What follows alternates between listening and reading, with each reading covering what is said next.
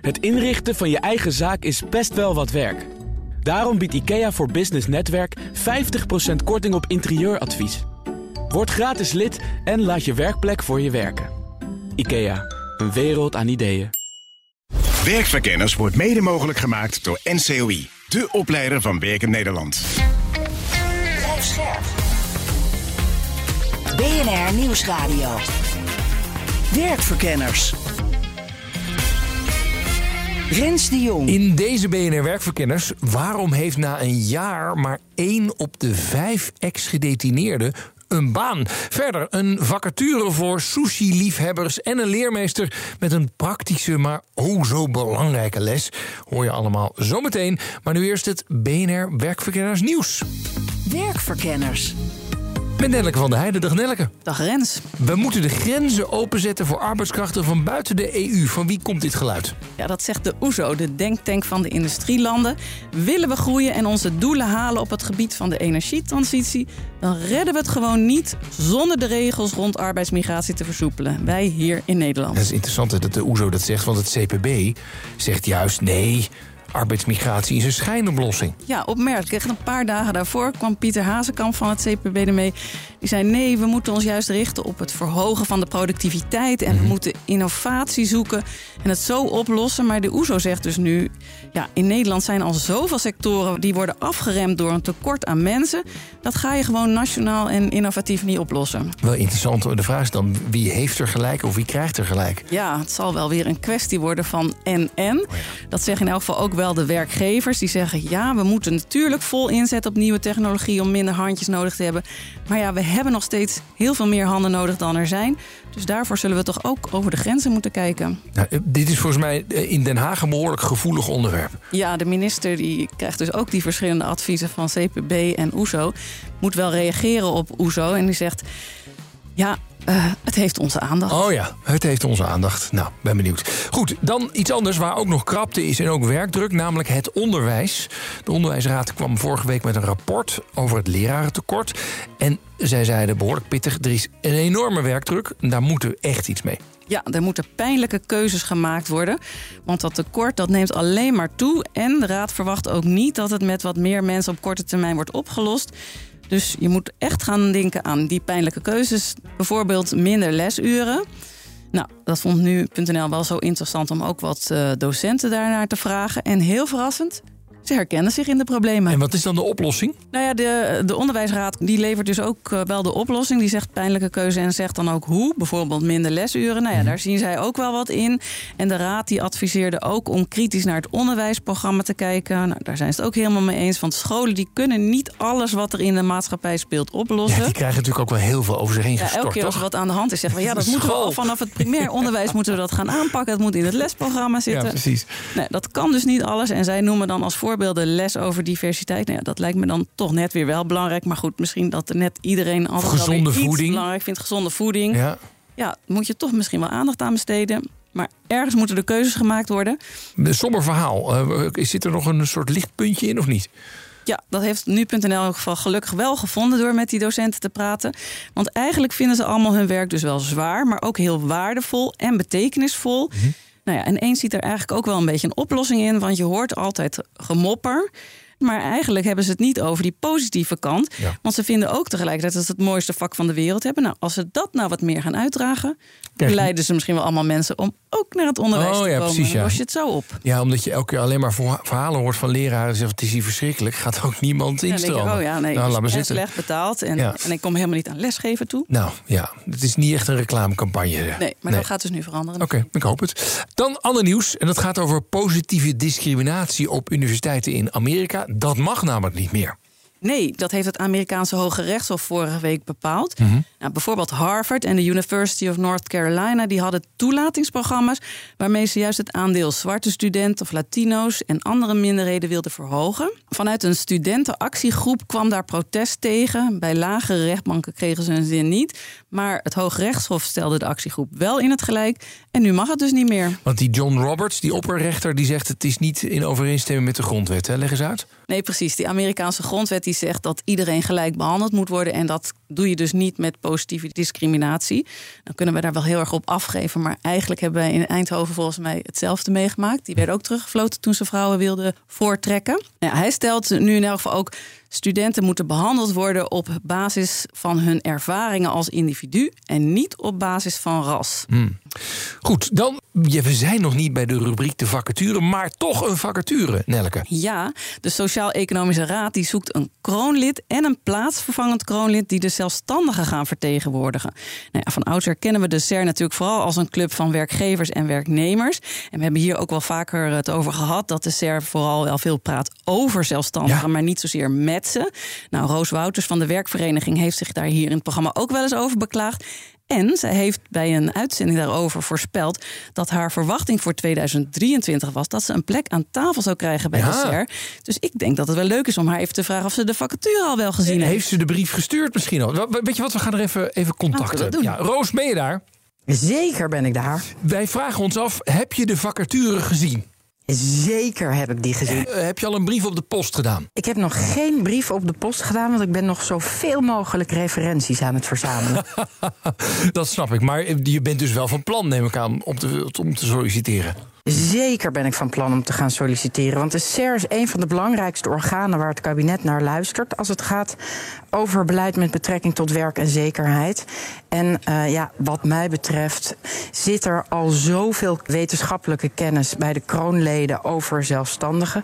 Uh, dat wat mij betreft is het heel belangrijk dat er hier iemand komt die vooral ook kennis heeft van het praten met de zelfstandigen. En weten waar alle zelfstandigen in ongelooflijk veel kleur en hoedanigheid, want de ZZP'er bestaat natuurlijk niet. Ja, dat er iemand komt die weet wat al deze verschillende uh, bloedgroepen nodig hebben. En nou denk ik zelf daar een heel goed beeld van te hebben. Dus ja, als je kritiek uit, moet je natuurlijk ook de handschoenen oppakken en de verantwoordelijkheid willen nemen. Ja, precies. Mag wat jou betreft de vlag uit dat de SER zegt: wij moeten inderdaad een kroonlid hebben en een vervangend kroonlid voor de zelfstandigen? Nou, wat mij betreft mag de vlag pas uit als ze ook daadwerkelijk een beetje uit hun comfortzone stappen. Want ja, ze zouden nu ook weer voor een traditionele wetenschapper kunnen gaan, die vooral veel verstand heeft over ZZP'ers, maar niet een zelfstandige is. Ja, dus wat dat betreft, ik denk pas als ze echt buiten het boekje iemand aannemen zoals ik daarvoor, mhm. dat we dan pas de vlag buiten kunnen hangen. Want ik zag wel de vacature en daar stond echt: je moet ervaring hebben met onderzoek doen naar zelfstandigen. Er stond ook wel van: nou, het is ook wel fijn als je daar binding mee hebt, maar ze, ze vroegen wel echt een soort wetenschapper, had ik het gevoel. Ja, ik denk dat dat. Kijk, het, je kan het alle kanten uitleggen. Want als werkvereniging doen wij onderzoek naar wat hebben zelfstandigen nodig om optimaal te kunnen functioneren op een arbeidsmarkt in beweging. Dus ik kan zeggen, ja, dat heb ik gedaan. Um, dus het is aan de dessert nu hoe uh, veel lef gaan ze tonen. Is er nog een USP die je nog eventjes uh, over de radio zou willen gooien? Nou, een van de dingen is dat ik echt heel veel contact heb met alle lagen van de ZZP'ers. Dus ook met uh, de platformwerkers, ook met de mensen die in flexcontracten zitten. Veel breder dan de die-hard ZZP'er alleen. Nou, Roos, heel veel succes met de, de sollicitatie en met het eh, binnenkrijgen van de referenties. Hè? Want volgens mij win je de wedstrijd eh, vooraf. En dan is het even de, de brief indienen, toch? Precies, dat hoop ik in elk geval. Ik ga er mijn best voor doen. Goed zo, succes, Roos. Dank je. Rens de Jong. En dan de themavraag van deze uitzending. En die is: hoe gaat het eigenlijk met ex-gedetineerden op de arbeidsmarkt? En hoe kan het beter? Een van mijn gasten doet onderzoek naar deze groep. Dus dan kijk naar uh, of ze werken, hoe dat werk eruit ziet en ook naar hun criminele gedrag. Ja. En de relatie daartussen. Een andere gast werkt met ex-gedetineerden en zat zelf ook eerder vast. Mogen we weten waarvoor? Dat mag zeker. Ik heb zelf 2,5 jaar echt binnen gezeten, dus eh, netto. En ik ben veroordeeld destijds voor het eh, produceren van wiet. Ja, vastzitten levert natuurlijk een gat op in je cv. Maar binnen kun je wel werkervaring opdoen. Al moet je je daar ook weer niet al te veel bij voorstellen. In principe start het meestal met wat simpeler productiewerk. En dat eh, kan eh, zijn eh, dingen verpakken in doosjes. En vaak is het vinden van een baan niet de enige zorg van iemand die vrijkomt. Instanties hebben wel een programma om ex-gedetineerden met multiproblematiek te helpen. Maar dat is niet makkelijk. Zeker omdat de gemiddelde gedetineerde helemaal niet zo lang vastzit. We weten dat het gewoon heel lastig is om, vooral dus bij die grote groep die kort zit, om daar echt verbetering in, in aan te brengen. En dan zit je ook nog eens een keertje met vooroordelen over en weer. De kandidaten hebben de vooroordelen van, hé, hey, ze willen ons niet. Ja. Nou, dat is één. En de werkgevers hebben zoiets van, joh, wat haal ik in huis? Terwijl het wel hebben van een baan een wereld van verschil betekent. Als ze wel werk vinden, ja, dan is dat ook gewoon echt een betere basis voor succesvol en duurzaam reïntegreren op de arbeidsmarkt. Werkverkenners. Een crimineel verleden, een gat op je cv. Ja, voor ex-gedetineerden zijn er wel wat extra uitdagingen voor het vinden van een baan. Hoe pakt dat dan uit in de praktijk? Mijn naam is Anke Raamakers. Ik ben universitair docent criminologie aan de Universiteit van Leiden bij het Instituut voor Strafrecht en Criminologie. En heb jij ook echt onderzoek gedaan naar eh, de werkervaring van ex-gedetineerden? Uh, ja, dat klopt inderdaad. Daar doe ik al een hele tijd uh, doe ik daar onderzoek naar in bredere zin. Uh, hou ik me bezig met reïntegratie van hoogrisicogroepen zoals ex-gedetineerden. Interessant. Waarom ben je dit vakgebied ooit ingegaan, zeg maar? Deze, ja, en misschien ook deze specifieke groep. Nou, hoogrisicogroepen die maken uh, veel gebruik van uh, sociaal beleid. Uh, die komen dus in aanraking met justitie. Er worden veel straffen en maatregelen aan opgelegd. En we weten eigenlijk nog te weinig welke effecten die straffen, maatregelen en ook dat sociale beleid heeft. Oh ja?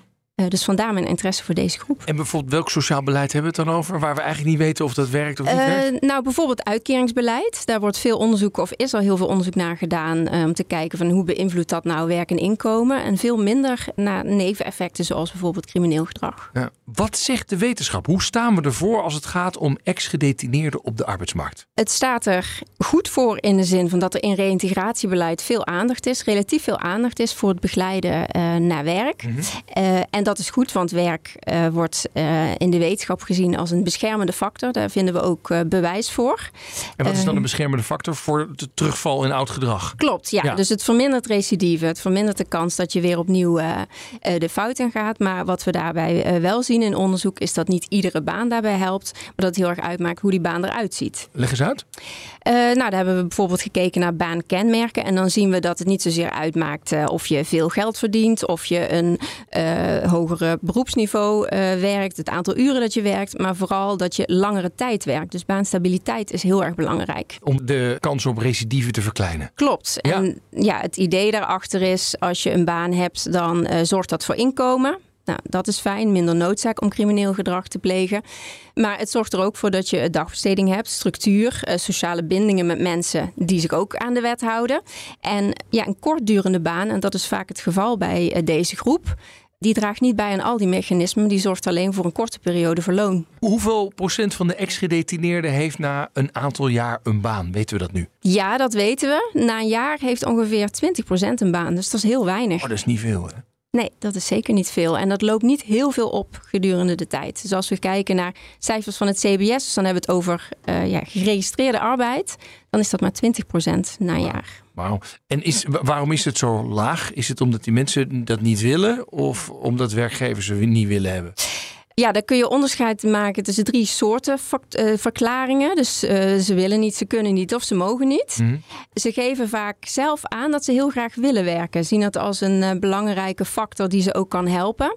Maar er is vaak sprake van multiproblematiek bij deze groep. Dus dat betekent dat ze niet alleen problemen hebben op het gebied van inkomen, maar ook uh, zorg, woning, meerdere problemen waardoor ze niet in staat zijn om te werken. Mm -hmm. En misschien dat ook niet iedereen wil werken in de type banen dat we registreren. Ja, en de werkgever, zit daar nog een blokkade? De werkgevers, als we zien het Nederlands onderzoek dat we hebben gedaan, dan zien we eigenlijk dat die daar redelijk positief tegenover lijken te staan. Dus in Nederland is het, is het zo dat alle werkgevers mogen vragen om een verklaring omtrent gedrag. Dus die is verplicht in een aantal beroepssectoren. Maar alle werkgevers mogen vragen om een verklaring omtrent gedrag. En als ik dan kijk naar deze hoogrisicogroep, dan zie ik eigenlijk dat maar heel weinig van hen gevraagd worden om een verklaring omtrent gedrag. En ik heb ook onderzoek gedaan naar, ja, zijn mensen nou open over hun criminele verleden? Want uh, in Nederland is het anders dan bijvoorbeeld in de Verenigde Staten. Niet zo dat je zomaar op kan zoeken of iemand in de gevangenis heeft gezeten, wat Ja. diegene heeft gedaan. Dus heb ik gevraagd van ja, hoe ben je daar zelf mee omgegaan? En dan zie ik eigenlijk dat heel veel van hen wel open zijn, maar dat dat niet samenhangt met een lagere werkkans. Nee. Je zegt veel gedetineerden zeggen: ik wil eigenlijk best wel een baan. Werkgevers zeggen: voor ons is het niet altijd een probleem. Maar toch is 80% na een jaar werkloos. Ja, Dus de, wie is nou hier de grootste factor dan? Dat lijkt me dan de ex-gedetineerde zelf. zeker. Die, dat is, speelt zeker een grote rol. Maar dan is even de vraag hoe dat er precies uitziet. Het komt niet per se alleen maar door de detentie. Want veel van hen hadden hiervoor ook al een heel onstabiele eh, werkgeschiedenis. Of misschien bijna geen werkervaring. En dus die problemen op andere werk eh, of op andere leefgebieden spelen ook echt een hele grote rol. Dus vele van hen zijn simpelweg niet in staat Nee, om is- te werken. En die mensen die geen goede relatie hebben met arbeid, eh, om het even zo te zeggen, hebben die voldoende tijd en kansen om daar aan te werken in de gevangenis? Een deel wel, maar dan speelt eh, de, de ja, gemiddelde detentieduur een belangrijke rol. Dus tijdens detentie en, en ook daarna wordt echt wel ingezet relatief veel dus op werk, daarna, daaraan werken. Maar eh 47% eh, van de gedetineerden zit korter dan een maand. En slechts 10% zit langer dan een jaar. Dus ja, de groep die kan werken aan reïntegratie tijdens detentie. En ook de groep waarvoor echt natrajecten kunnen worden opgezet. Ja, die is relatief Echt klein. heel klein.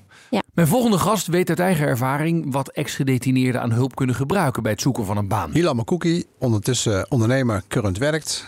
Zelf ooit in detentie gezeten en vanuit die drive mijn uitzendbureau begonnen. Speciaal voor jongens en dames tegenwoordig met een detentieachtergrond. Ja, je zegt het al, hè? ik heb zelf in de gevangenis gezeten. Hoe lang geleden is dit? 2014 tot en met 17. Ja, het is een behoorlijke tijd, hè? Want eh, de meeste gevangenen zitten eh, korter dan een jaar. Klopt. Ja. Klopt. En het was ook gelijk met de eerste keer. Dus om eventjes de boel even gelijk op scherp te zetten. First offender en gelijk de, de jackpot. Ja.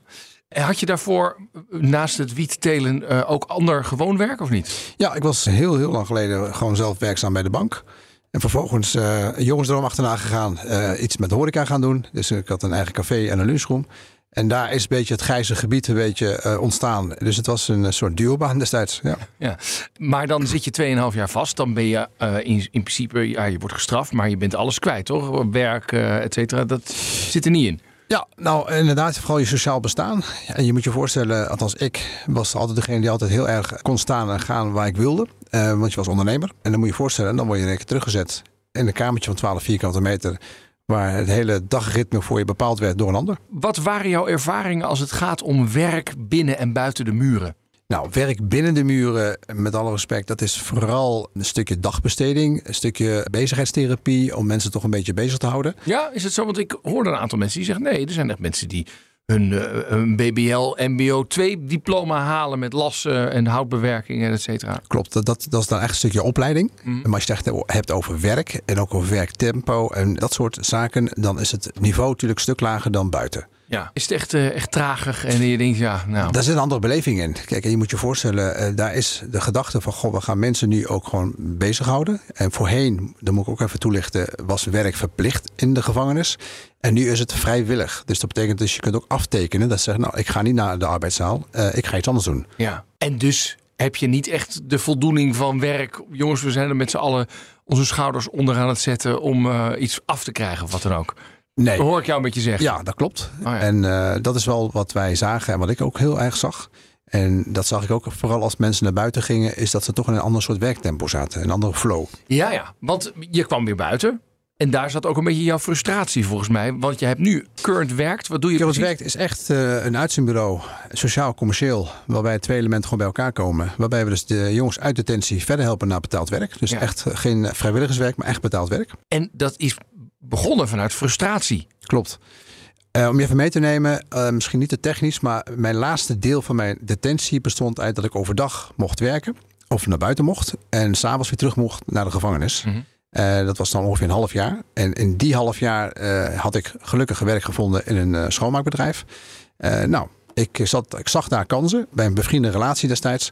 Hij had allemaal uitdagingen met zijn rooster. Mensen die niet konden werken op vakantie. En ik ging dus elke dag weer terug naar de gevangenis. En ik zag daar mensen met een ziel onder zijn arm. Van joh, ik heb geen werk gevonden, dus ik zit de hele dag maar hier. Mhm. En zo is eigenlijk het avontuur heel kleinschalig begonnen. Ja, je zag een gat in de markt. Ja, en ook, ook gewoon jongens die eigenlijk wel naar buiten wilden, maar geen werk konden vinden. Mhm. Ehm, Maar je hebt toch allerlei begeleiding daar? Je, je, wordt, je wordt geholpen, je hebt een, eh, een buitencoach volgens mij. Hoe gaat dat dan? Klopt. In theorie heb je het ook allemaal. Maar de praktijk leert ook dat er heel veel jongens zijn die die begeleiding net niet krijgen of op de juiste wijze krijgen. Dat dat ook gewoon opgepakt wordt. Hoe was die van jou? Mijne was echt gewoon drie keer niks. Ja? Ja, nou goed, dat is ook een stukje van mijn frustratie destijds. Kijk, ik ben een redelijk ja, gebekte jongen. Ehm, dat betekent ook dat ik altijd wel wil weten hoe dingen gaan en eh, staan. En mij wilden ze destijds in een kringloopwinkel plaatsen. En gelukkig ben ik verder gaan zoeken. De begeleiding die ik had was gewoon eigenlijk gewoon, ja, helaas toen de tijd gewoon niet goed. Eh, iemand die me eigenlijk gewoon niet begreep, dan wel eh, kon motiveren, dan wel eh, de, de nodige opleidingen kon aanbieden. En daar is de frustratie ook eigenlijk gaan versterken. En eh, zo ben ik eh, mijn uitzendbureau begonnen. En mijn laatste gast probeert gedetineerden al werkervaring op te laten doen terwijl ze nog vastzitten. Mijn naam is uh, Mariette Horst en ik werk als manager van de serviceorganisatie Inmate. Inmate is een uh, overkoepelende naam waaronder we uh, werken in detentie uh, mogelijk maken. En dat gebeurt in 25 penitentiaire inrichtingen op 30 locaties in Nederland. Oké, okay. en het is gevangeniswerk. Jullie zorgen ervoor dat de, ge ja. de, gedetineerden aan het werk kunnen. Wij zorgen er elke dag voor met uh, al die arbeidsbedrijven, zoals we dat noemen in Nederland, uh, dat gedetineerden kunnen werken. Uh, dat doet zo'n 70 tot 80 procent van de populatie bij ons. Mm -hmm. En dat zijn heel verschillende uh, vormen van werk. En ja. uh, dat doen ze ongeveer uh, 20 uur per week gemiddeld. Oké, okay. en wat voor werk is dat ongeveer? Ja, dat is dus heel verschillend. Mhm. Mm -hmm. Dus we hebben eigenlijk eh, onze diverse zalen. Daar vindt het simpele werk plaats. En vervolgens kunnen gedetineerden ook naar spe specialistisch werk doen. En nou, we, we, differentiëren het vaak in simpel, diverse werk. En vervolgens ja. hebben we intern specialistisch werk. Dus eigenlijk werk wat gewoon in de gevangenis moet worden Zoals? gedaan. Schilderwerk, schoonmaken, groen onderhoud. Oh ja. uh, maar we hebben ook bijvoorbeeld een winkel en een wasserij. Uh, waar gedetineerden spullen kunnen kopen uh, in de winkel. Een wasserij waar eh, uiteraard een was wordt gedaan. En daar werken die gedetineerden ook. Mhm. En daarnaast eh, ja, halen we ook werk binnen via bedrijven. Dus dat noemen we het commercieel, commercieel specialistische werk. Nou, en de meest aansprekende werkzalen die we hebben zijn eh, de metaalwerkzaal, een houtwerkzaal, een textielwerkzaal. Waar mensen dus eh, ja, ook echt zich wel wat meer kunnen specialiseren en, En een vak leren. En is dat dan, eh, zo'n zo'n houtwerkzaal, da- daar kan ik me bijna de handarbeid van vroeger voorstellen. Of is het echt daadwerkelijk, nee, een bedrijf vraagt om stoelen en dan wordt het in elkaar gezet? Dat kan, inderdaad. Uh, of uh, het kunnen ook vogelhuisjes zijn, maar ze, kunnen, ze maken ook. Uh, ze zouden hier gewoon een hele mooie tafel kunnen maken. Dat kan ook op zo'n houtwerkzaal. En dat is echt in opdracht waar er gewoon jullie ook weer voor betaald worden, zeg maar. Ja, ja, inderdaad. De gedetineerden, worden die er eigenlijk voor betaald? Ja, gedetineerden die hebben bij ons een vergoeding van 95 cent per uur. Dat is het, het basisuurloon, noemen we dat. Zo. De basisvergoeding. Je doet het niet voor het geld, hoor ik al. Nee, maar dat is ook wel heel dat is zorgvuldig vastgesteld. Want in principe hebben ze bij ons kosten en inwoning. Mhm. En uh, we hebben ook uh, op grond van, nou ja, eigenlijk het Nibud heeft, we hebben met het Nibud gekeken hè, van wat moet je nou aan vergoeding geven. Nou, in principe hoef je er niet rijk van te worden. Het gaat erom dat ze ja, tijdens detentie ook gewoon hun kosten en inwoning krijgen. En dit is echt het zakgeld wat ze daarnaast krijgen. Ja, en dan kunnen ze mee in de winkel van, Bijvoorbeeld in de, de gevangenis ja. nog een extra reep mars kopen. Bijvoorbeeld. Ja. En als ze dus wat meer specialistisch werk doen of een opleiding bij ons halen, ja, dan kunnen ze ook een, een kleine toelage krijgen. Dus dan wordt hun uur, uurloon ook iets hoger. Ja. Die bedrijven die eh, zeg maar door jullie productie laten doen, waarom doen ze dat eigenlijk? Ja, dat is heel verschillend. Soms hebben ze gewoon simpel werk en dat uh, kan heel goed door gedetineerden worden gedaan. Ik denk dat ook heel vaak gewoon wel een, een, bepaalde maatschappelijke betrokkenheid uh, meespeelt. Mm. Dus de, daar zijn verschillende redenen voor. En nou ja, als wij de opdracht kunnen doen voor een tarief waar zij ook voor het werk voor willen wegzetten, ja, dan komen ze gewoon uh, bij ons terecht. Ik wil ook wel de oproep doen op de radio. Van, uh, als je, je kunt ook een kijkje nemen bij www.inmate.nl. Ja. En, en nou, als bedrijf kun je altijd uh, ja, opdrachten bij ons wegzetten. Delen van opdrachten. Ja, ja ik, ik zag onder andere een, zo'n grote bakfietsenmaker die bij ja. jullie het een en ander wegzet. De Dokker, geloof ik, heette ja, ze. klopt. Die zeiden wel van ja, iedereen denkt dat we dat doen omdat die gevangenen zo'n laag uurloon hebben. Maar de logistieke kosten zijn weer behoorlijk groot. Kun je dat uitleggen? Ja, we hebben, moeten wel natuurlijk alles, alle kosten doorrekenen aan onze uh, ja, klanten, noemen we dat dan. Uh, ja, en daar zit meer in, hè, want we hebben ook uh, arbeidsmedewerkers aan het werk. Inderdaad, we hebben lo bepaalde logistieke kosten, kosten van uh, de werkzalen. En die worden ook aan de klanten doorberekend. En we moeten ook werken conform de wet markt en overheid. Dus wij kunnen ook niet zomaar zeggen, wij leveren goedkoper. Want dan zou er ook sprake zijn van oneerlijke concurrentie. Oh ja, dan concurreer je weer met mensen die ja. niet in de gevangenis zitten. Nee, dat kan dus ja, niet. Wat ik me wel afvraag, worden dan dat soort werkgevers, die hebben dan mensen die fietsen in elkaar zetten, bakfietsen in elkaar zetten, zeggen ze dan later, hey, kom bij ons gewoon als je vrij bent weer op de werkplaats echt werken? Ja, dat gebeurt dus ook wel. Ik heb ook wel echt mooie voorbeelden. En, uh, ik heb voor dit gesprek natuurlijk ook even uh, ja, gesproken met echt de mensen van de arbeidsbedrijven. Van wat zijn nou mooie voorbeelden? En uh, nou ja, wat bijvoorbeeld die winkel die ik net noemde. We hebben vijf distributiecentra in Nederland. In een aantal gevangenissen. En uh, nou, daar werken gedetineerden ook. En hij, vertelde ook van, uh, uh, ja, afgelopen tijd heb ik net twee gedetineerden kunnen plaatsen bij een groothandel.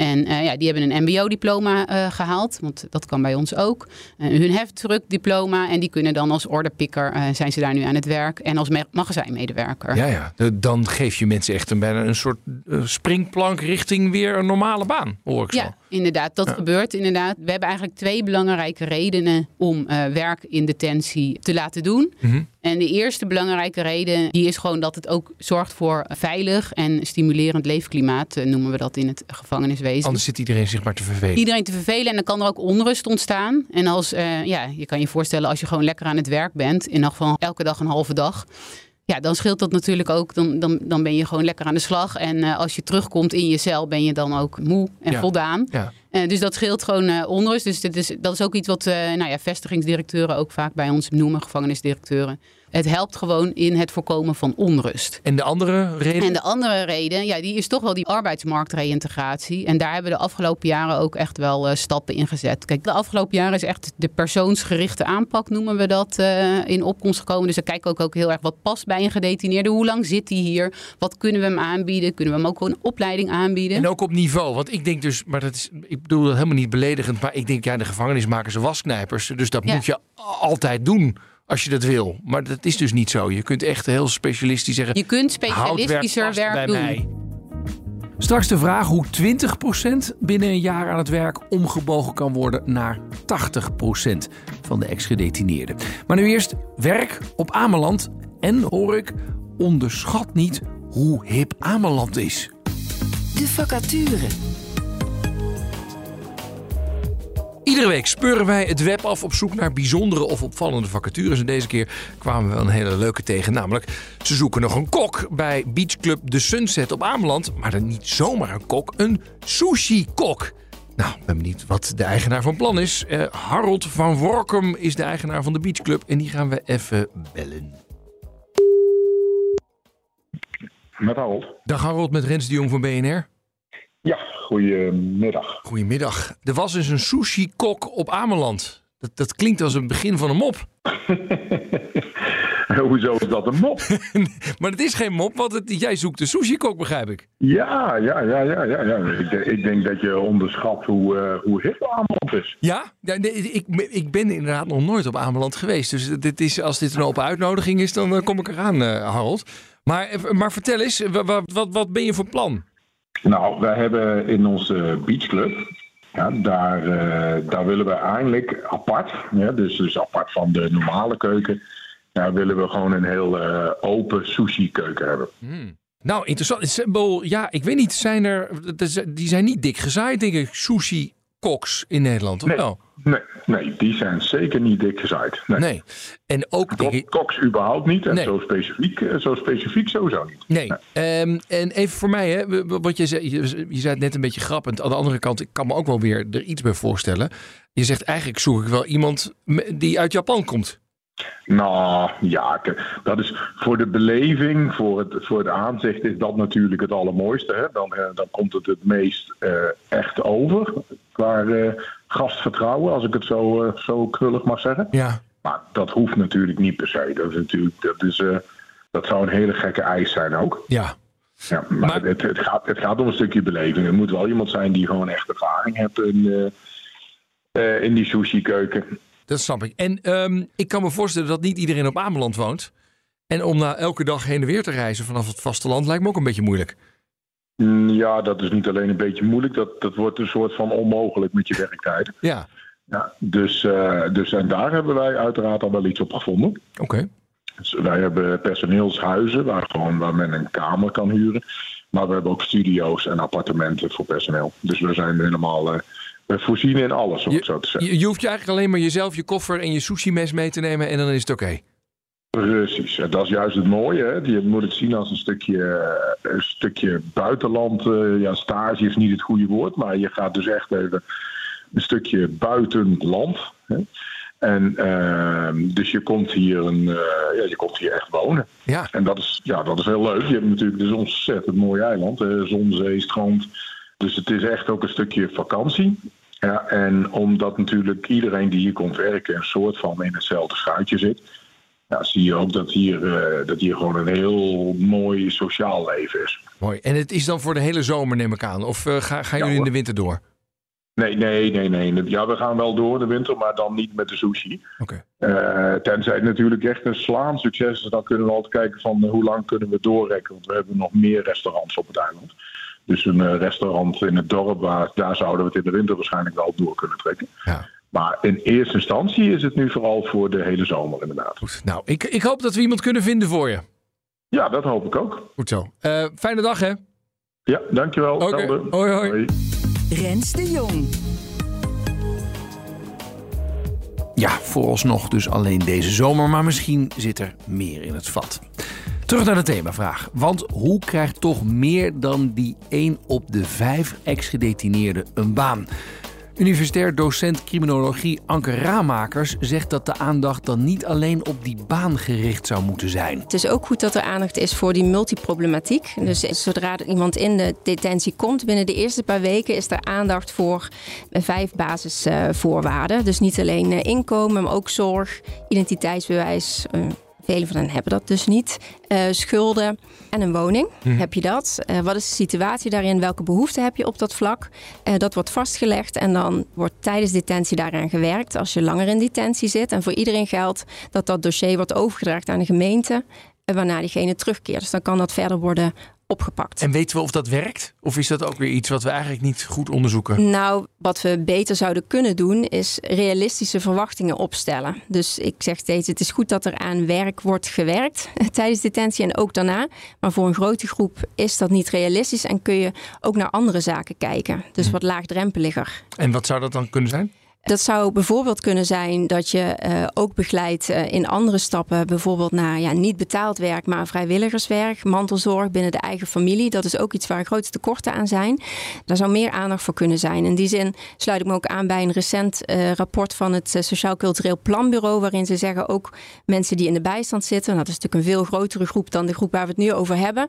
Maar dat is wel een vergelijkbaar beeld in de zin van, ja, daar wordt ook heel erg gericht op uitstroom naar werk. Maar voor, ook voor veel van die mensen is het niet realistisch. Dus kun je beter kijken of meer aandacht besteden ook aan andere eh, stappen die misschien indirect wel ook bij kunnen dragen aan een actieve deelname in de maatschappij. Bijvoorbeeld hulp bij eh, administratie, wat bij veel van deze mensen echt een heel groot probleem is. En zo zorgt er ook weer voor dat mensen in een normaal ritme komen en dus minder re- recidive Precies, zien. dan heb je een paar van die mechanismen kun je daarmee dan toch eh, aanpakken. En daarnaast is er waarschijnlijk nog wel winst te behalen door nou ja, begeleiding naar werk. Dat is dus wellicht niet mogelijk voor een grote groep, maar wel zorgen dat ze een inkomen hebben. Dus we weten nu dat zo'n 20% een jaar na vrijlating een baan heeft. En van een derde weten we eigenlijk niet hoe ze rondkomen. Nou, dat kunnen dus weer eh, criminele activiteiten zijn. Maar dat weten we niet. Wellicht wonen ze ook bij familie in. Maar het lijkt er ook op dat een groot deel van hen wel recht heeft op een uitkering, maar die niet aanvraagt, niet weet hoe, daar misschien andere redenen voor heeft. Dus inkomenszekerheid voor deze groep, dat is iets waar we zeker nog winst kunnen behalen. Ja, maar waarom doen we dat dan niet? Want dat klinkt heel logisch. Eh, nou, dan heb ik het weer over die groep die maar kort eh, vastzit. Ja. Daarbij lukt het wellicht niet om dat, eh, om dat rond te krijgen. Qua tijd niet? Of, Qua tijd niet Ja, om het te organiseren. Dit En dan zijn mensen weer vrij en dan ben je ze weer kwijt. Dan En- zijn ze weer van de radar. En een deel van de mensen hebben ook niet het beste vertrouwen in de overheid. Zijn zorgmeiders. Dus dat zou een extra reden kunnen zijn om wel te zorgen dat we ze van een uitkering kunnen voorzien. Omdat het dus een van die mechanismen aanspreekt, wat ervoor kan zorgen dat recidive vermindert. Dat is ook wat onderzoek laat zien, nationaal en internationaal, dat ook een uitkering een beschermende factor kan zijn. Dus dat is iets wat we absoluut zouden kunnen doen. En voor deze hoogrisicogroep is ook een heel belangrijk aandachtspunt de, de verschillende uh, beleidsdomeinen. Ik noemde eerder al uh, hoogrisicogroepen die komen met justitie in aanraking, dus krijgen straffen maatregelen opgelegd. En deze hoogrisicogroep uh, maakt ook heel erg veel gebruik van sociaal beleid, dus uitkering, maar ook ondersteuning, jeugdzorg, psychische zorg.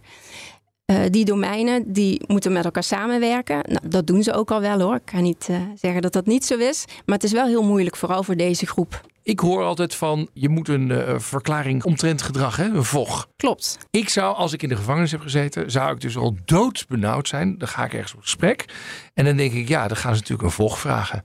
En die krijg ik niet, want ik heb in de gevangenis gezeten. Is dat een terechte angst? De angst, die herken ik, want dat, dat horen we veel in interviews bij deze groep. Of het terecht is, dat is een tweede. Kun, lijkt... kun, je wel een vocht krijgen als je de gevangenis hebt gezeten? Absoluut. Oh. Ja, dus uh, als wij in dat onderzoek waar we dus grote groepen uh, door de tijd uh, volgen dan zien we dat ook degenen die net vrij zijn gekomen en ze vragen een VOG aan, dat sommige van hen die krijgen. En dat heeft ermee te maken dat je een verklaring omtrent gedrag, daarin wordt echt heel specifiek gekeken naar de functie die je ambieert, dus waar je voor wil solliciteren. En dan wordt gekeken of het delict dat je hebt gepleegd in relatie staat of een bedreiging vormt voor de type werkzaamheden die jij gaat uitvoeren. Moet je eerlijk zijn tegenover je werkgever over je uh, zeg maar criminele verleden of je detentieverleden? Nee.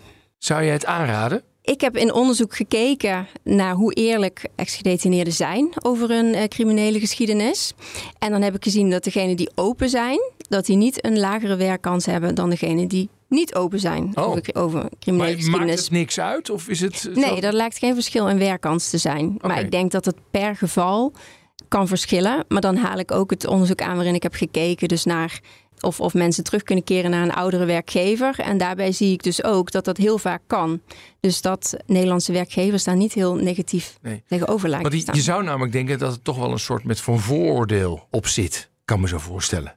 Is dat er ook niet dan bij Nederlandse werkgevers? Ik zou niet stellen dat het er helemaal niet is, maar uit onderzoek komt dat niet heel sterk naar voren. En als ik het dan vergelijk met uh, onderzoek in Amerika, zie je dat Nederlandse werkgevers daar echt nou ja, veel minder negatief tegenover staan dan uh, Amerikaanse werkgevers. Ondernemer en zelf ex-gedetineerde Hila Makouki heeft een uitzendbureau voor ex-gedetineerden. Current werkt. Dus als iemand weet hoe je deze groep naar een baan begeleidt, dan is hij het wel. En dus vraag ik hem wat hij nou precies doet. Vooral jongens naar betaald werk begeleiden via het uitzenden. Oké. Okay. En waarom uitzenden? Dat is gevoelsmatig voor de werkgever. Uh, hey, ik heb een escape knop. Ik kan mm. altijd zeggen, joh, ik, uh, ik, ik, ik, wil het niet. Of ik, uh, ik durf het wel, maar ik, ik wil die escape knop in ieder geval in kunnen drukken. Dus via het uitzenden als instrument kandidaten, jongens en dames bij werkgevers plaatsen. Ja, en wat hebben die mensen extra nodig? Of ben jij gewoon, nou, we hebben een vacature, veel plezier, daar moet je heen, klaar? Nou, het is vooral, vooral in deze tijd, dat, dat is denk ik ook wel logisch. Er is genoeg werk, maar ja. mensen aan het werk houden, dat is het grootste uitdaging. Ja. En als ik hem even een, een sporttermen mag uitdrukken, het is hetzelfde als iemand drie jaar lang niet heeft gevoetbald. En na drie jaar in één keer wordt bepaald van, nou, uh, je kon toen heel goed voetballen en nu wil ik dat je gelijk een hele wedstrijd gaat voetballen de competitie, vier keer de week gaat trainen en dan ook nog een toernooi gaat spelen. En jij zegt dat, dat hebben die gevangenen nu ook, omdat ze het werktempo in die gevangenis. Dat, dat, dat is wat het is. Dat is wat het is. En mensen komen na, na drie jaar naar buiten. En ook wel logisch, want wij doen ook samen uh, zaken met de gemeente. En daar hebben we ook kandidaten die dus geen detentieachtergrond hebben, maar wel drie jaar lang niet hebben gewerkt. Mhm. En daar wordt ook van verwacht, probeer eerst maar in die ritme te komen. Ja. Soms nog een beetje boos op de wereld, soms een beetje teleurgesteld, schuldenproblematiek, andere zaken die getackled moeten worden. Wil je iemand in zijn kracht zetten? En, en doe jij dat al? Doen ja. jullie dat ja, allemaal? Ja, ja, ja. Maar, maar ik, ik, denk bijna, want je ziet er zelf ook behoorlijk uh, worked out uit. Ik denk, je trekt ze gewoon mee en zegt: hier zijn een paar uh, dumbbells, we gaan dit even doen. Ook, ook maar uiteindelijk moet je ze ook loslaten. Okay. En dan moet wel dat knopje aan zijn. Ja. Kijk, en dat knopje aan, wat wij geleerd hebben, uh, is dat we ze eerst even moeten landen. We kijken welke uitdagingen er zijn, welke schulden er wellicht zijn, welke opleidingen nog gehaald moeten worden. Het aanknopje vinden en dan kunnen ze echt gaan. En hoeveel weken duurt dat? Bij ons is het standaard twee, drie maanden. Oké. Okay. En is dat dan ook prettig dat je zelf ook zegt... ja, ik heb zelf ook 2,5 jaar vastgezeten? Als je dat verhaal zo begint bij heel veel jongens... van goh, de meeste smoesjes hebben we zelf al een keer gebruikt... dan heb je toch een ander soort gesprek. Ja. Een ander soort dynamiek. En dan wordt toch iets van je aangenomen. En dan kun je ook zeggen, joh, ik ben niet onderdeel van het justitieel systeem. Ik help. En ik, ik, we werken wel heel veel samen met justitie. En daar ben ik ook wel echt wat dankbaar voor. Mhm. Eh, dat we het vertrouwen ook hebben. Maar wij zijn geen justitie. Willen werkgevers ex-gedetineerden hebben? Ja, mits er ook begeleiding dan wel coaching op zit achter de schermen. Dus Ja, ja. werkgevers die zeggen, joh, en vooral in deze tijden, joh, wij zoeken ons suf eh, naar de juiste werk, werknemers. En wij hebben een unieke vijver, zo brengen we het ook. En het is ook geen Calimero verhaal om goed te, eh, duidelijk te maken van, joh, geef alsjeblieft iemand een kans. Nee, Mhm. we draaien hem om. Beste werkgever, eh, je mist een kans, want deze kandidaat kan het wel. En dit zijn zijn skills. En als hij dan met een nee komt of bepaalde redenen om het niet te doen, nou, dan, Ja. dan is het aan ons om om te buigen. Maar voor mij even, waarom wil die werkgever begeleiding op die kandidaat? Nou, dat is puur een stukje gevoel. Van mocht hij er zijn dat de, de werkgever denkt van... hé, hey, hij kijkt een beetje wild uit zijn ogen... of er is wat, eh, een stukje, eh, dat je hem ontzorgt achter de schermen. Dus dat is eigenlijk wat je zegt. Kijk, Ja. en acht van de tien, en dat moet ik er echt bij zeggen... hebben we dat stukje zorg al weggehaald in die twee, drie maanden... waar het knopje aangaat bij die kandidaat. Hm. Kijk, dan zeg je eigenlijk tegen die werkgever... joh, het is niet dat wij iemand over de schutting heen gooien... en succes met elkaar. We blijven in beeld... En het komt bijna, ja, de laatste tijd bijna niet meer voor dat we echt in beeld moeten komen. Nou is het zo, bleek uit allerlei onderzoek, dat wil je mensen eh, minder laten recidiveren, dan is het allerbelangrijkste niet de hoogte van het salaris of eh, de hoogte van de opleiding, maar hoe lang het arbeidscontract eigenlijk is. Eens? Maar jij bent een uitzendbureau. Ja en nee. Het begint inderdaad met uitzenden. Vervolgens gaan we over tot detacheren. Dus Mhm. wij blijven inderdaad in beeld, want we geloven in de navelstreng niet gelijk doorknippen. En wij geloven ook in een stukje verwachtingsmanagement. Is wij coachen echt op een broodbaan. Dus ga eerst voor die broodbaan. Dus dat je inderdaad gewoon een salaris hebt. En vanuit daar gaan we door naar je droombaan. Hmm. En dat is inderdaad wat je net zei, Rens. eh, lange termijn eh, een contract met elkaar aangaan. Ja. En dat kunnen wij omdat we dus ook heel veel werkgevers hebben. Want soms lukt het niet bij die werkgever. Nou, dan gaan we naar een andere werkgever. Ja. Ik schrok wel van het aantal ex-gedetineerden dat een baan heeft. 20% Dat is wel bijzonder weinig. Hè? Ja. Waar ligt dat aan? Dat is ook een stukje ons bestaansrecht. Hè? Want dat is ook waarom wij Nee, daarop in natuurlijk, zijn gegaan. jij ziet gat in de markt. Maar waar, En, waarom is ik, het? Ik denk zelf de verwachting, de good cop, bad cop. Hè? De, eh, heel veel systemen doen het al jaren, maar dat is een stukje wantrouwen. Mhm. Mensen gaan te snel in de uitkering. Dus in de gevangenissen kan de uitkering al georganiseerd worden. Dus dat je naar buiten gaat en dan ga je al dat negatieve spiraal in. Ja. Dus ik denk de combinatie van die. En een stukje coaching wat er gewoon niet is. En dat, dat is hetgene wat wij wel doen. Dus wij houden iemand achter de schermen in de actiestand. Jij zegt, mensen gaan te snel in de uitkering. Ik sprak iemand van de gevangenis en die zei, nou, sommige mensen moeten we gewoon eerlijk over zijn. Er is ook best een reden dat ze in de gevangenis zijn gekomen, omdat het allemaal niet heel stabiel was. Misschien lukt werken niet. Juist geef ze die uitkering, want anders gaan ze de criminaliteit weer in. Ben ik niet mee eens. Nee? Nee, nee zeker niet. Nou, ik denk zelf, het is een spiraal. En het zal vast wel voor een aantal eh, goed zijn dat er een, een uitkering, maar het is niet voor niks in het leven gekomen. Maar de ervaring die wij hebben als, als mensen inderdaad in die uitkering zitten, is dat ze in een bepaalde, ja, van de radar verdwijnen. En dan inderdaad overdag niet meer in die werkmodus komen. Ja. En dan gaan ze ja, toch wel weer andere dingen doen. En dan staan de verleidingen natuurlijk weer op de stoep. ja. Even die, die mensen die uit de gevangenis komen. Hè. Ik hoor vooral teleurstelling, boos op het systeem. Ja, boos op zichzelf, boos in hun vrienden, Oh ja. boos in de familie, boos eh, eigenlijk gewoon beetje detentieschade, misschien wel een gek woord. Maar eigenlijk zitten ze nog niet in de aanstand. En Nee. dat kan zijn dat boos op het systeem. Want ja, voor hun gevoel zijn ze te zwaar gestraft. Of vrouw is weg, de kinderen willen ze niet meer zien. De buren hebben geen het contact verbroken. Dat zijn allemaal dingen die een plekje moeten krijgen Ja. In iemands hoofd. En dat is stukje coachen. Ja, en hoe doe je dat dan? Ik ben, ik ben gewoon heel benieuwd naar zo'n sessie dan. Ja, wij hebben dus, goed dat je dat vraagt. Wij hebben dus in onze loods in Rotterdam, hebben we echt een loods eh, zo groot als een voetbalveld. Daar hebben we ook allemaal werk binnengehaald. Dus het is ook echt werkwerk bij ons. En dus we gaan direct aan, aan het werk met elkaar. En dan vinden gewoon gesprekken plaats. En misschien ook heel goed om Tijdens, tijdens het werken gesprekken plaatsen. Ja, en nog misschien heel belangrijk om te melden. In die twee, drie maanden dat we met ze bezig zijn, bouw je een band op. Hmm. En vanuit die band heb je een stukje vertrouwen. En vanuit vertrouwen kun je mensen coachen. Dus de sociaal wenselijke gaat er bij ons gelijk af. Want Ja. iemand kan bijvoorbeeld de reclassering, die heeft ook gesprekken. Nou, één keer in de twee weken voer, nou, een gesprek van een half uur. Dan, dan krijg je alleen maar te horen van hoe gaat het? Ja, het gaat goed. Heb je problemen? Nee, want je krijgt natuurlijk allemaal sociaal wenselijke antwoorden. Want je bent bang dat iemand eh, hoort van hé, hey, ik hoor dat je nog een hulpvraag hebt. Je moet weer terug. Ja. Dus dat is het stukje wantrouwen, weerstand, sociaal wenselijke. En dat hebben ze bij jou niet. Nee, wij geven die ruimte. Dus we, ook goed om te melden. Wij doen ook elke dag hebben we een maaltijd. Dus het is ook een stukje eh, leuk hoe we met de kandidaat omgaan. En maar wel met KPI's. We werken wel met eh, doelstellingen. Ook leuk om te melden, we hebben ook sinds kort een eigen horeca-tak. Brave Burgers, ook met een leuke knipoog.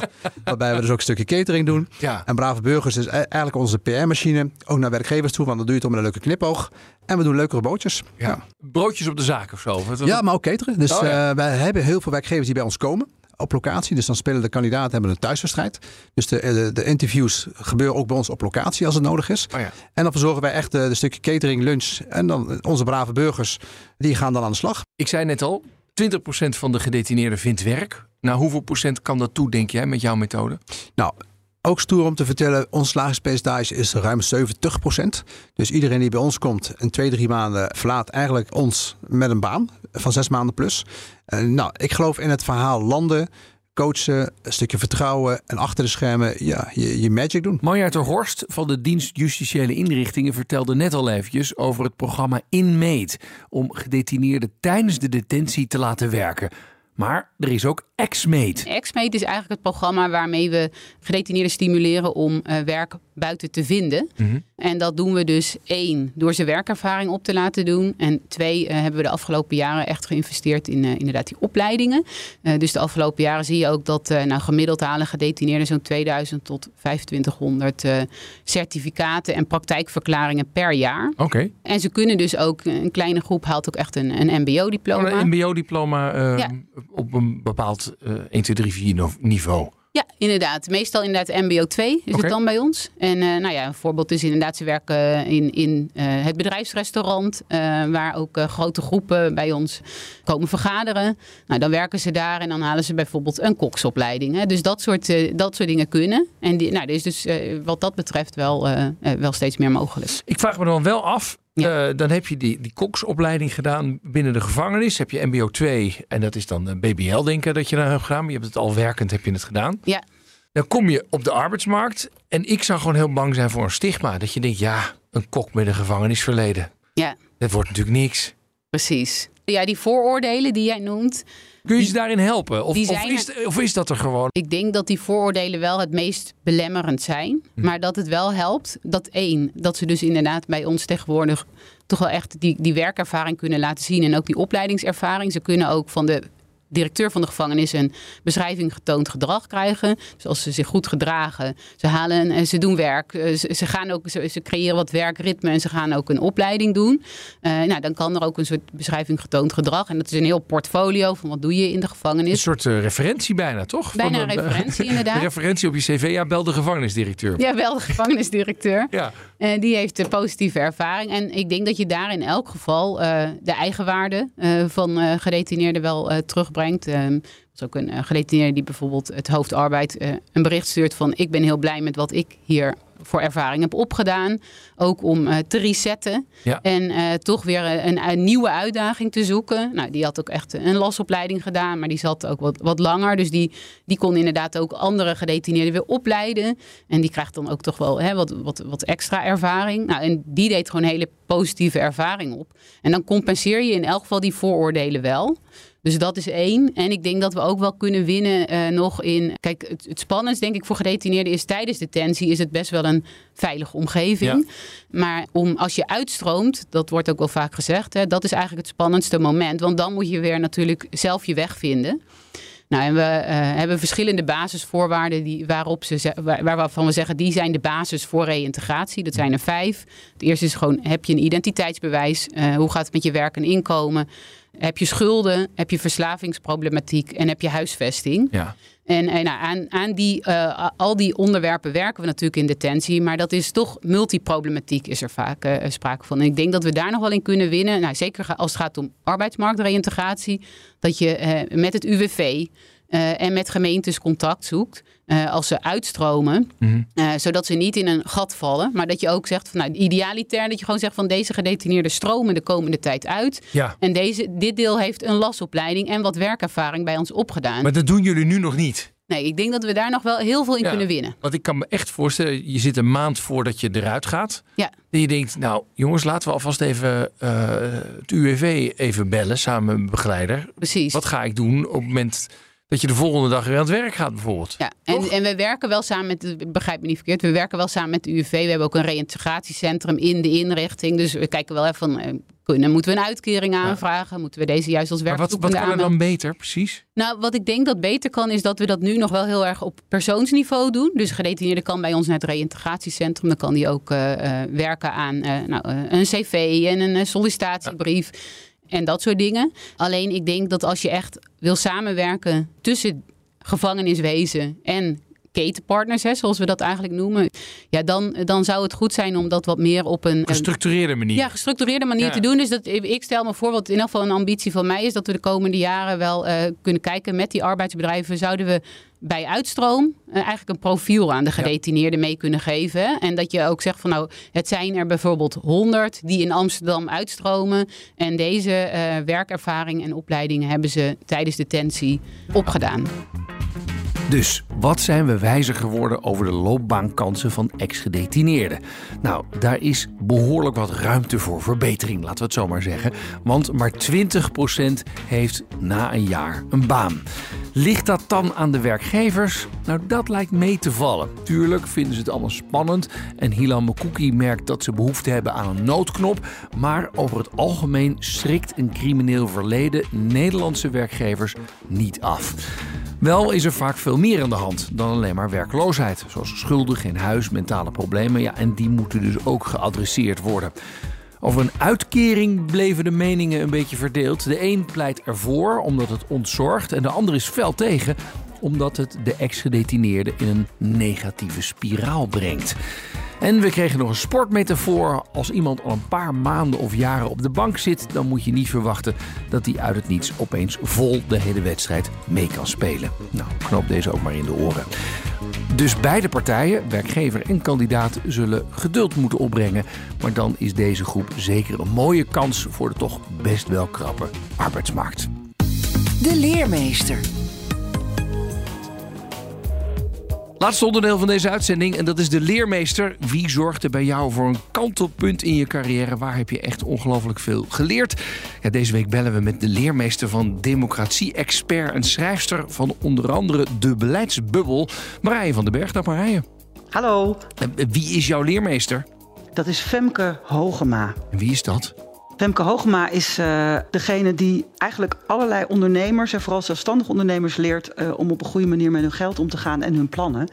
En eh, ik ben een enorme fan van haar. Eigenlijk al vanaf het begin van dat ik mijn bedrijf startte, zo'n twaalf jaar geleden. Oké, want waar, even kort, waar heeft ze je geholpen? Of waar heeft ze je echt, nou ja, zich geopenbaard als leermeester?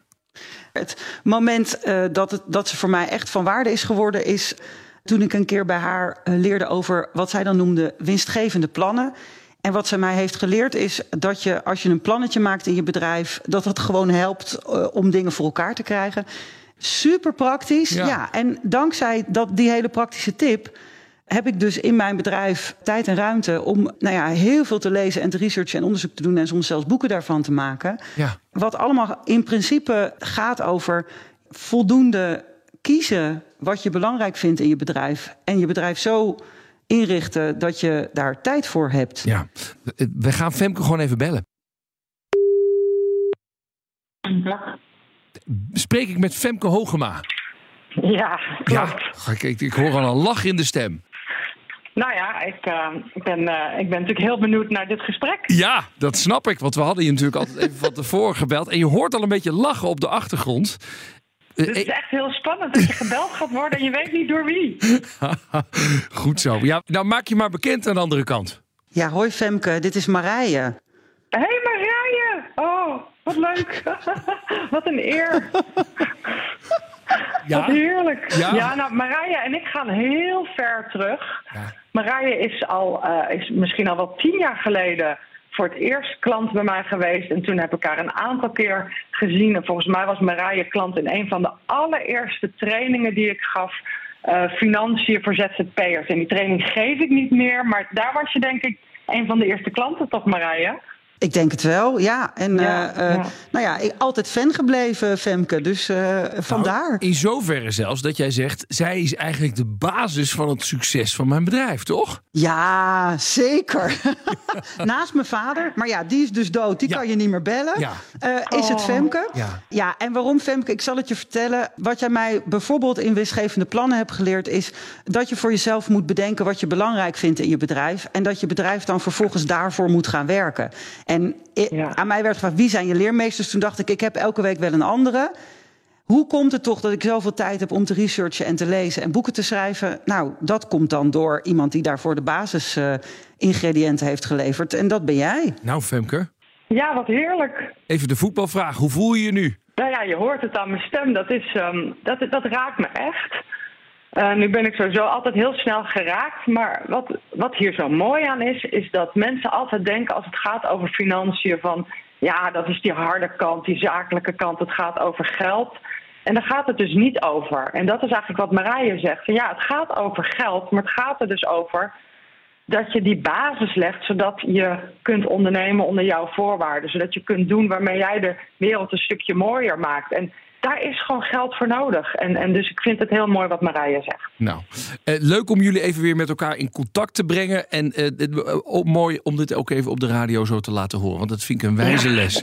Geld is al niet alleen maar de harde kant. Het, het maakt Nee, dingen mogelijk waar, waarvoor we weer mogelijk. op aarde zijn. Dankjewel. Ja, jullie nou, ook dank, bedankt. dank, Dankjewel, dank voor deze leuke set. Ja. Ja, geweldig. Fijne dag. Dag. Dit was Werkverkenners voor deze week. Volgende week dan krijg je weer een verse op dinsdag om drie uur. En natuurlijk in je favoriete podcast-app kun je hem op ieder moment terugluisteren. Productie en redactie. Nelke van der Heijden, Emma Somsen. Mijn naam is Rens de Jong. Graag tot de volgende keer. Dag. Werkverkenners wordt mede mogelijk gemaakt door NCOI, de opleider van Werken Nederland. Een kleine update maakt een wereld van verschil. Daarom biedt IKEA voor Business Netwerk gratis snelle interieurtips en ideeën. Word gratis lid en laat je werkplek voor je werken. IKEA, een wereld aan ideeën.